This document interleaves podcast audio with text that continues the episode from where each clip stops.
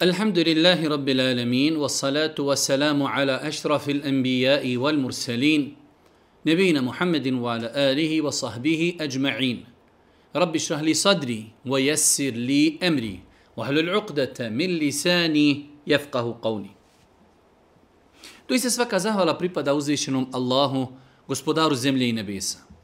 Salavat, mir i selam na Allahu poslanika, Allahu miljenika Muhammeda, alihi salatu wassalam, njegovu časnu porodcu, njegove uzvrte ashabe i sve ljude koji slijede put istinu sudnjega dana. Uvažena braću i poštovani sestri, uvaženi gledatelji, Esselamu alaikum wa rahmetullahi wa barakatuh. Dobro nam došli u još jednu emisiju, a nadamo se da je ovo 11. emisija nakon mjeseca Ramazana u kojoj se družimo sa vašim pitanjima, vašim dilemama vezanim za islam. Želimo da napominimo kao što to činimo svaki puta na početku emisije, da doista mnogo emailova koji stižu na našu adresu, nemoguće da odgovorimo svima. Trudimo se da odgovorimo na što veći broj. Jednostavno, velik broj pitanja dolazi s druge strane, određena pitanja su znači više nego teška i komplikovana da bi jedan pojedinac na njih dao e, odgovor. Tako da, nadamo se vašem razumijevanju kada su u pitanju osobe kojima ne odgovorimo na njihovo pitanje, njihovu dilemu. Prvo pitanje, eselamu alaikum, da li je greška što ne klanjam sa mužem? u džematu iz razloga što ne osjećam dovoljno skrušnost i što gubim koncentraciju dok njega slušam kako vodi namaz. Konstantno mu tražim greške i pomalo mu zamirim što se više ne edukuje. U svakom slučaju pitanje jedne naše sestri da li je griješna što ne klanja sa svojim mužem u džematu jer kada klanja sa njim u džematu koncentriše se, vjerovatno je ona na nekom većim stepenu teđvida, e, učenja Kur'ana od, od njega, pa joj to onda malo smeta i dekoncentriše. Tako da ako je to razlog, nadamo se inšala da nije problem da e, supruga ne klanja sa mužom svojim, već da klanjaju odvojeno. je, li ispravno nama, je li isprava namaz u prostoriju u kojoj stoji kanta za smeće i u njoj krpa sa kojim smo brisali WC?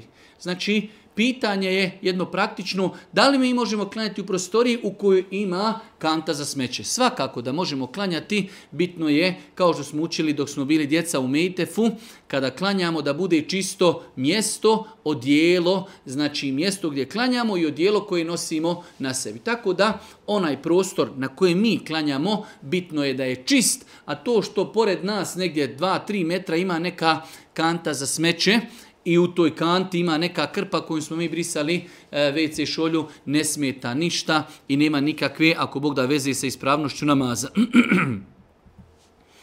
Obzirom da sam trudnica i već sam prenijela, da li postoji neka dova kako bi se o, lakše porodila? Imam veliki strah od svega što me čeka, praktikujem namaz i zikr i pojačano salavate, donosim, konzumiram hurme i zemzem. Mislim da ovo što je spomenuto da je više nego dovoljno, ova naša sestra ima opravdan strah od e, poroda, ali u svemu tome praktikuje namaz zikri, pojačano donosi salavate, konzumira hurme, pije zemzem, ostaje jedna opća dova da znači insan u takvim situacijama moli uzvišnog Allah subhanahu ta'ala da mu olakša ono što je pred njim, znači da olakša porod, da, da se to sve hajili ako Bog da završi svojim riječima na bosanskom jeziku, moliti uzvišnog Allaha te barak ta'ala da a, znači insanu olakša ono u čemu se nalazi, konkretno u ovom slučaju da ova naša sestra moli i da traži od uzvišnog Allaha subhanahu ta'ala da ju olakša, da odagna od nje strahove, da olakša porod i ako Bog da to će biti sve dobro. Esselamu alaikum. Naime, imam 18 godine, treniram futbal. U klubu gdje treniram i momci sa kojima treniram provodim vremena, vremena negativno utiču na mene. Od psovanja, vrijeđanja do toga da kada dođe vrijeme sezone, utakmice, pravi mi problem obavljanje namaza. U svakom slučaju jedno pitanje naše jednog brata od 18 godina koji, evo kao što vidim iz ovog njegovog dužeg e-maila, oni putuju po cijeloj Bosni, profesionalno se bavi futbalom, ali društvo u kojem se nalazi djeluje na njega negativno, teško mu je namaz obavljati, a roditelji vrši na njega pritisak. Na kraju on sam kaže... E, Želim u ime Allah da to napustim jer mi pravi veliki problem kako na psihu tako i na vjeru.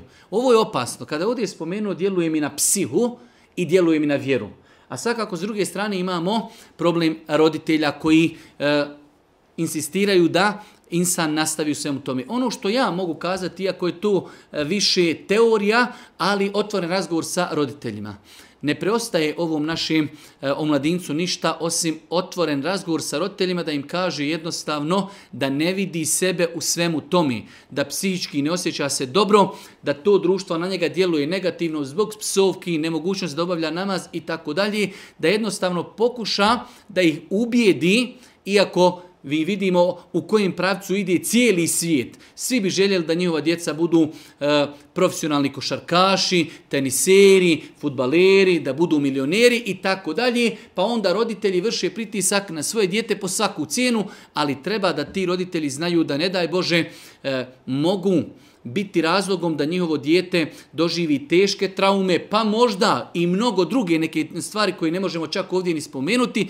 a da ne govorimo što to ostavlja traga negativno na njegovu vjeru, tako da moj savjet je samo otvoren razgovor sa roditeljima da se pokušaju ubijediti iako znam da je to teško, ali da se pokušaju ubijediti da znači e, nastavljanje e, treniranja ostavlja negativne posljedice na psihu, a i na vjeru ovog našeg omladinca.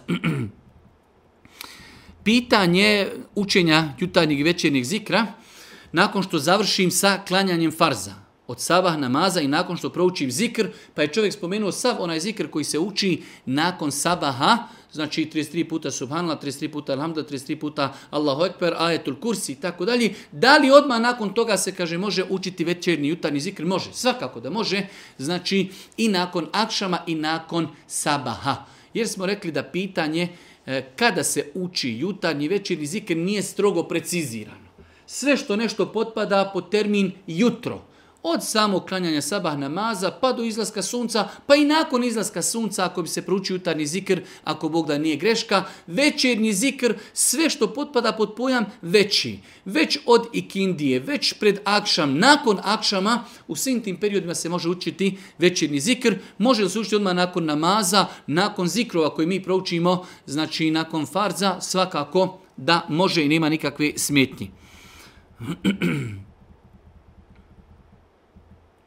pitanje, kada klanjam za imamom i na sjedenju smo i učimo etahijatu i salavate, nakon što završim sa učenjem, da li ja i dalje držim, kaži, prespodignut sve dok imam ne preda selam ili nakon što ja završim sa učenjem mogu da spustim, kaži, prst. Znači, radi se osobi koja smatra da je sunnet micati, kaži, prst, kada se uči etahijatu i salavati. kada završi, insan da li će držati, kaži, prespodignut i šutjeti, i čekati da imam preda selam.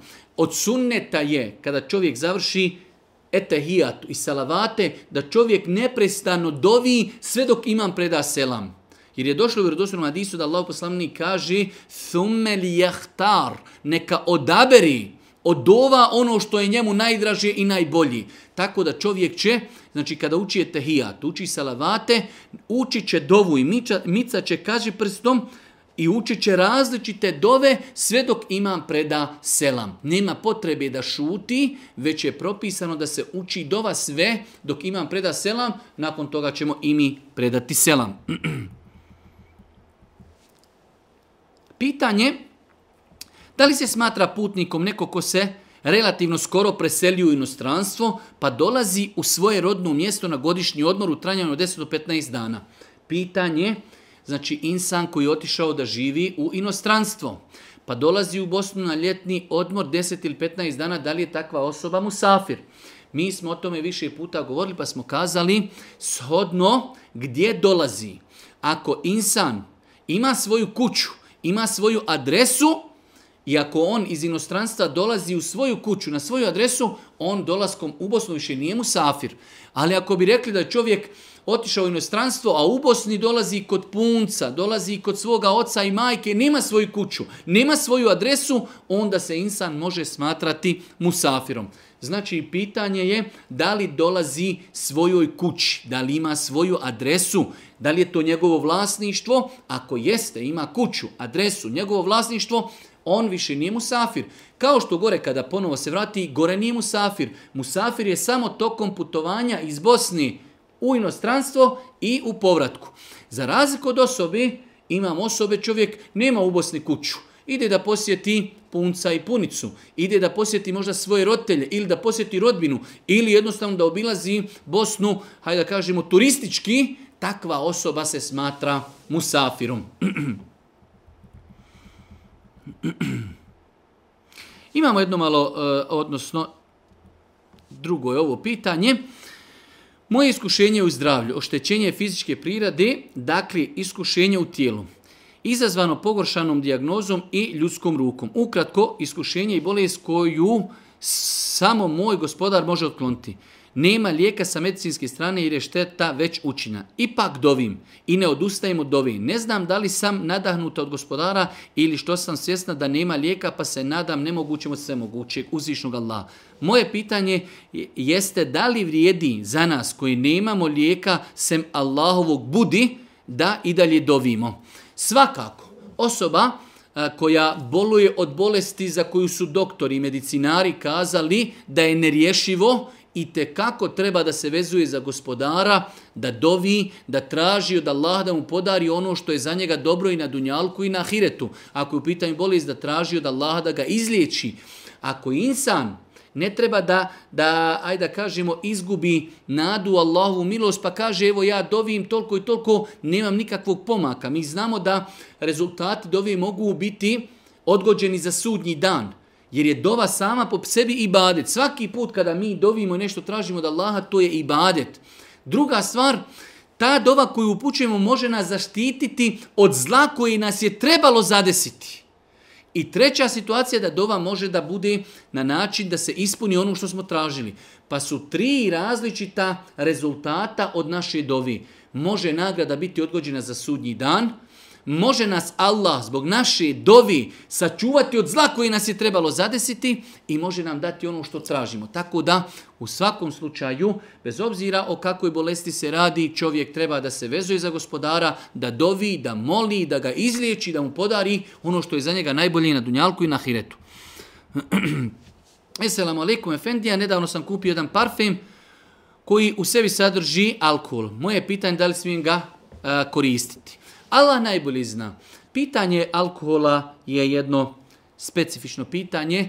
Historijski gledano, e, ogromna većina učenjaka je smatrala da je alkohol sam po sebi nečist. Znači imamo alkohol u islamu zabranjen zato što opija u redu. Piti alkohol je zabranjeno. Ali sam alkohol po sebi, ako ga uzmemo na hlače, da li su hlače nečiste ili ne, ogromna veći, većina islamskih učenjaka, čak su neki navodili konsenzus da je alkohol nečist. Ja lično sam stava da alkohol nije nečist. Znači ne postoje jasni dokazi u Kur'anu i sunetu Božijeg poslanika koji kažu da je alkohol nečist. Samim tim, ako e, odaberimo mišljenje da alkohol nije nečist, samim tim onda možemo odabrati mišljenje da nema smetnje kon, e, konzumir, odnosno koristiti parfeme i dezodoranse u kojima ima alkohola. E, Allah najbolje zna, znači, ja sam ubjeđenja da alkohol nije nečist. Ne postoje jasni dokazi u Kur'anu i sunnetu Božih poslanika, ali i salatu wasalam, da je alkohol nečist. A sahabi, kada je zabranjen alkohol, kada je zabranjen alkohol, prosu, prosipali su i prosuli su alkohol po ulicama Medini. Da je alkohol bio nečist. Da li je moguće zamisliti da ashabi nečistoću prosipaju po ulicama Medine? Nemoguće. Ali u svakom slučaju pitanje je podležno ičtihadu, različitim pogledima islamskih učenjaka, lično sam stava da alkohol nije nečist. Samim tim, ako znači imamo dezodorans ili parfim u kojem ima procenat alkohola, smatram da se može, da se može koristiti. imamo jedno duže pitanje gdje jedna naša sestra kaže Prije četiri godine liječila sam se rukijom kod Efendije Nisada Drndića iz Gradaca i tako dalje, gdje ona govori kako je se jedan period izliječila. Nakon toga eh, ona spominje, međutim, zadnja dva, tri mjeseca ponovo počinje da sanjam zmije, ta, toliko me proganja u snu i tako dalje. U svakom slučaju, pitanje je Da li je to ponovo znak za sihr? Da li trebam ponovo da se obratim za učenje ruki? Rekli smo više puta u našim odgovorima da osoba koja je bila jednom bolesta izliječila se, može se sihr ponovo vratiti ili može se ponovo napraviti sihr.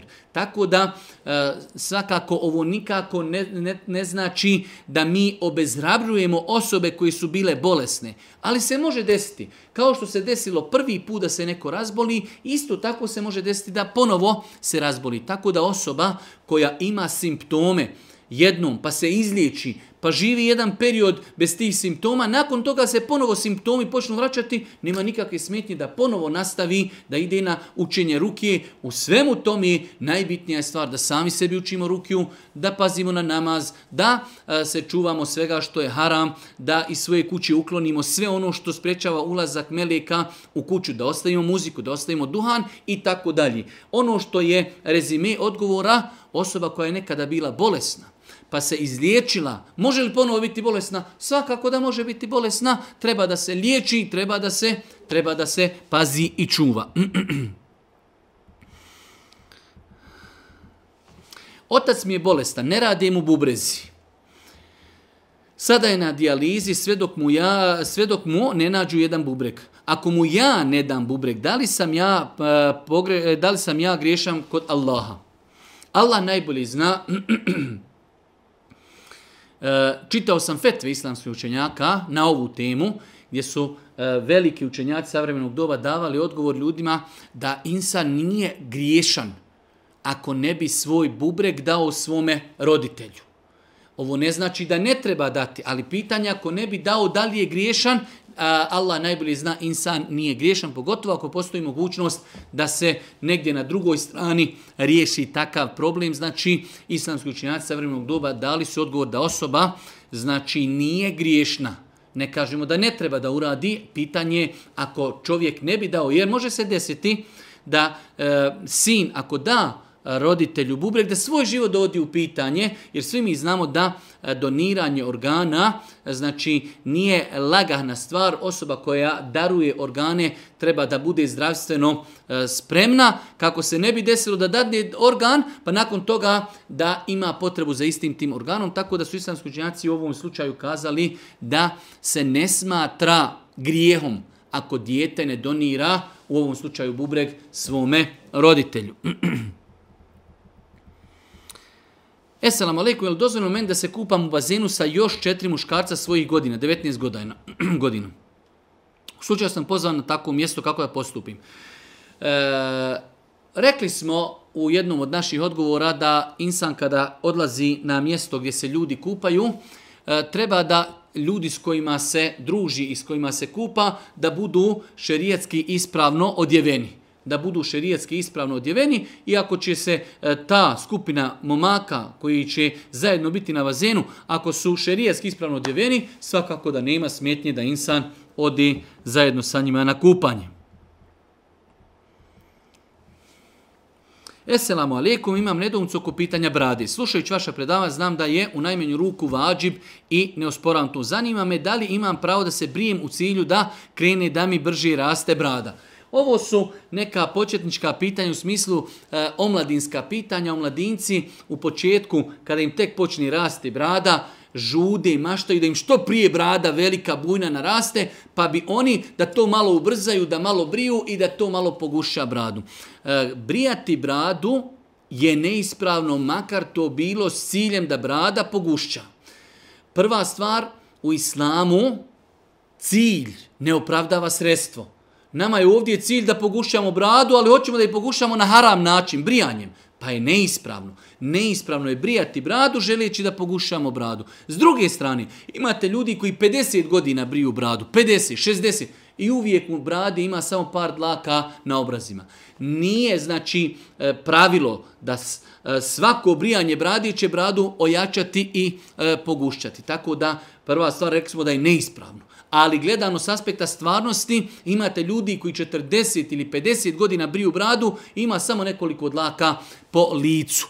Znači e, to brijanje brade nije uzrokovalo da je njegova brada postala gusta. Više se to vraća na genetiku. Tako da, e, znači, odgovor je o mladincima nije dozvoljeno da briju bradu kako bi njihova brada kao postala gusta. Imam jedno pitanje koje vjerojatno do sada niko nije pitao.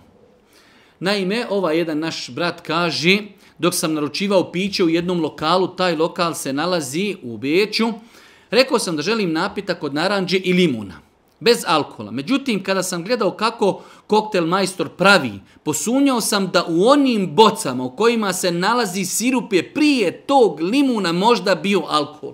Pogledajte kako šetan optereti insana. Čovjek došao, naručio miks naranđa, koktel, i onda prati tamo, e sad u toj flaši u kojoj ima sada naranđa, možda je nekada prije toga bio alkohol, mogu li ja naručiti taj miks? Pogledajte kako šetan optereti insana. Insan, znači, ako je došao u restoran, naručio je nešto što je svakako bezalkulno, naručio je e, sok od naranđe, završena stvar. Da se opterećuje, da gleda, da prati, možda u onoj boci je bilo, ne treba čovjek time da se ne treba čovjek time da se opterećuje. Imamo ovdje e, podrške e, E, dosta emailova smo pobrisali, ali imamo dosta emailova u kojima su i braća i sestre izrazili podršku nama i našim radu e, zbog mnoštva oni koji su u zadnje vrijeme pokrenuli izuzetno jake kampanje protiv mene, moje ličnosti, moga rada, pozivanja islamu i tako dalje. Tako da evo mi koristimo, koristimo priliku da se zahvalimo svima onima koji su i javili se i koji su podržali naš rad i svima onima koji tamo negdje po tim nekim uh, profilima ili drugim znači medijima uh, bore se s ljudima, dokazuju im, pojašnjavaju, iako naši stav da je najbolje sve to ignorisati, ne savjetujemo nikoga da bilo kom je šta pojašnjavaju, jer to su a, znači osobe i, i institucije koji to pokreću, definitivno su zlo namjerni, tako da zlonamjernim osobama se ne može ništa dokazati ni pojasniti, tako da ja apsolutno sve ignorišem, ništa ne pratim, ništa ne znam gdje se šta dešava, a, svima se zahvaljujem za riječi podrške. Zašto je muzika u islamu zabranjena? Ako možete, pojasnite. Svi učenjaci tvrde je zabranjeno, niko da objasni zašto. Jedno interesantno pitanje. Zašto je muzika zabranjena? Uvažno, braću i poštovane sestre, evo, noća ćemo pojasniti zašto je muzika zabranjena. Prije nego pojasnimo zašto je muzika zabranjena, treba da pojasnimo jedan veliki islamski princip, a to je... U islamu treba tragati za dokazom da li je određeni propis potvrđen ili ne. Nakon toga, ako potvrdimo da je određen propis potvrđen, ne treba se umarati da razmišljamo zašto je nešto naređeno i zašto je nešto potvrđeno. Ako krenimo tim putem, otvorit ćemo sebi vrata koja nikad nećemo moći zatvoriti. Evo primjera. Ako počnemo, zašto je podne četiri rekiata, a sabah dva? a Ikindija ponovo četiri, a Akšam tri, a Jacija ponovo četiri. Mislimo na farze. A zašto je Džuma dva? A zašto je Bajram dva? I tako dalje. Znači, to je nemoguće. Nemoguće je, ako počnemo otvarati vrata, zašto je ovo zabranjeno, zašto je ovo naređeno. U redu, to je prva stvar. Pogledajmo ashabe. Da li su oni rekli Božijem poslaniku, ali se a zašto je zabranjena muzika? Bitno je u islamu da čovjek svati je li potvrđen propis. Svinsko meso, zabranjeno. Zašto? Ma ne interesuje me zašto. Moj gospodar zna zašto mi je zabranio. Alkohol, je li zabranjen? Jest. Zašto? Ne interesuje me jer je moj gospodar to zabranio. I tako dalje. Pa je znači po mišljenju četiri mezheba.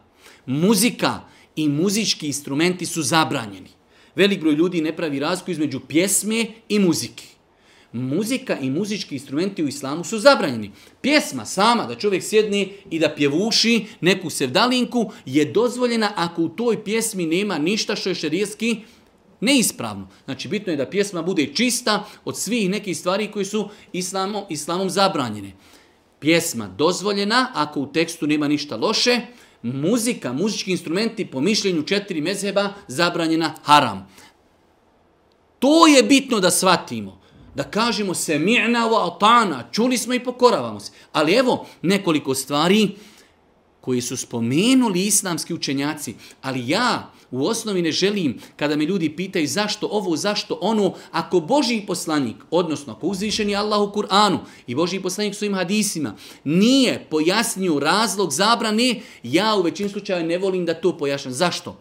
Mogu spomenuti nešto što su spomenuli učenjaci, pa da mi neko sutra a, dođe i kaže, ali vidi, nauka je potvrdila suprotno tome i tako dalje. Zato ja uvijek stavljam akcent potvrditi propis. Ako je propis potvrđen, ne treba se čovjek umarati da dokući zašto je nešto.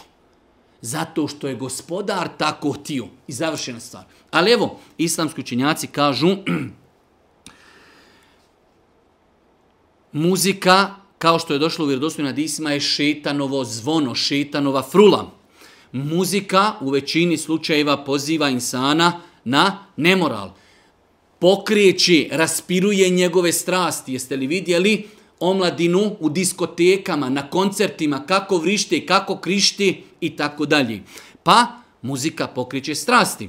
Udaljava insana od veličanja Allahu. Jer su kazali islamski učenjaci, ne može se u jednom srcu objediniti ljubav prema Allahu i Kur'anu i njegovom govoru i ljubav prema muzici. Pa muzika istiskuje iz ljudskog srca ljubav prema Kur'anu. ukorjenjuje se u jednom srcu koje je prepuno muzike nifak, uzrokuje uznemirenost i stres muzika dokazano naučno uzrokuje uznemirenost. Ljudi su uznemireni. Pogledajte ljude na koncertima. Stres, uznemiren. Za razliku od Kur'ana, ala bi zikri Allahi, tatuma innul kulub, spominjanjem Allaha, učenjem Kur'ana, smiruju se ljudska srca. Pa su samo to neki od razloga koji smo spomenuli islamski učenjaci, a mi smo rekli, ovo smo spomenuli samo da bi, evo, ispunili želju nekome zašto je muzika zabranjena, zabranjena zato što su potvrđeni dokazi Kur'ana i Sunneta koji zabranjuju muziku. Esselamu alaikum. Koja su prava muža kod žene u pogledu rađanja djece? Naime, supruga ne želi da rađa više djece, imamo jedno dijete. Mladi smo, ali ona smatra da joj je previše obaviza. E, mi smo već jednom ili dva put odgovarali na slična pitanja, rekli smo da pitanje djeci u braku je pitanje dogovora supružnika. Pitanje dogovora. E sada, i to pitanje dogovora ima svoje neke e, granice i normale. Uh, definitivno mlada osoba, zdrava osoba ima jedno dijete i ne želi više djeci i pravda to obavezama e, može se desiti u nekom slučaju, ali generalno je to neprihvatljiv razlog. Znači da žena kaže imam četvero, petero djeci, pa to su mi obaveze, da jedno dijete, da su to obaveze, to će svako vam potvrditi da to u nekom normalnom okruženju nisu velike obaveze. Ali opet kažemo, pitanje broja djeci, kada će supružnici da imaju neko dijete, znači je nešto na čemu treba da se dogovori supružnici, ali isto tako pitanje dogovora treba da bude zasnovano na nekim e, realnim činjenicama. E, znači, e, Ako muž kaže ženi koja se porodila, želi da odmah ima drugo dijete, ona kaže, ali teško mi je, želim da jedno dijete podignem, da doji, pa dok prohoda, pa nakon dvije godine možda ćemo opet imati dijete, to je nešto normalno. Ali žena rodi jedno dijete i kaže, ne želim više djece, imam obaveza, to je nešto što je, znači, nema svoju, nema svoju neku težinu. Govorimo u nekim normalnim uvjetima.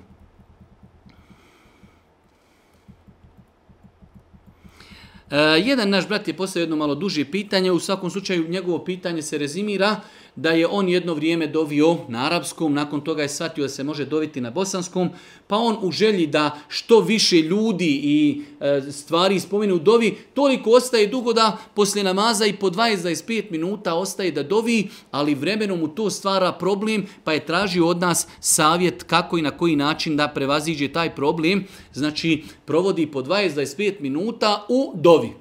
E, Kako riješiti problem? Problem riješiti na dva načina. Prvo, nije obaveza da mi dovimo nakon svakog namaza. Niti je obaveza da dovimo svakog dana. Možemo odvojiti, ako ćemo dovoljiti 25 minuta, jedan dan u sedmici, četvrtkom, petkom, subotom, imam dovoljno vremena, dovim 25 minuta. To je jedna stvar. Druga stvar, nije nam obaveza da dovimo za sve te koje mi svaki put spominjemo u dovi. Možemo ih jednom spomenuti u dovi i dovoljno. Treća stvar, treba da učimo općenite dove. Čovjek kad kaže gospodar mi daj, daj mi dobro dunjaluka i daj mi dobro ahireta. Obuhvatio je sve. Gospodar, rabbena atina fi dunja hasene, wa fil ahireti hasene, wa qina azaben nar. Gospodaru, daj nam dobro dunjaluka, daj nam dobro ahireta. Sačuvaj nas, sačuvaj nas patnje u vatri. Znači, čovjek kada dovi može odabirati općenite dove. Gospodar oprosti svim mojim ahbabima. Gospodar oprosti svim mojim rođacima. Gospodar oprosti svim mojim e, šehovima i mojoj ulemi. Znači, jednom riječu obuhvatimo gospodar oprosti svim muslimanima i svim muslimankama. Ne moramo za svakoga svaki put pojedinačno dobiti. Tako da, znači, imamo nekoliko rješenja. Imamo rješenje da dovimo općenite dove. Imamo rješenje da ne moramo svaki put doviti za svakog. I imamo rješenje da ne moramo svaki namaz dobiti, već da odvojimo jedan dan kada imamo dovoljno vremena, pa da te sve dove spominimo.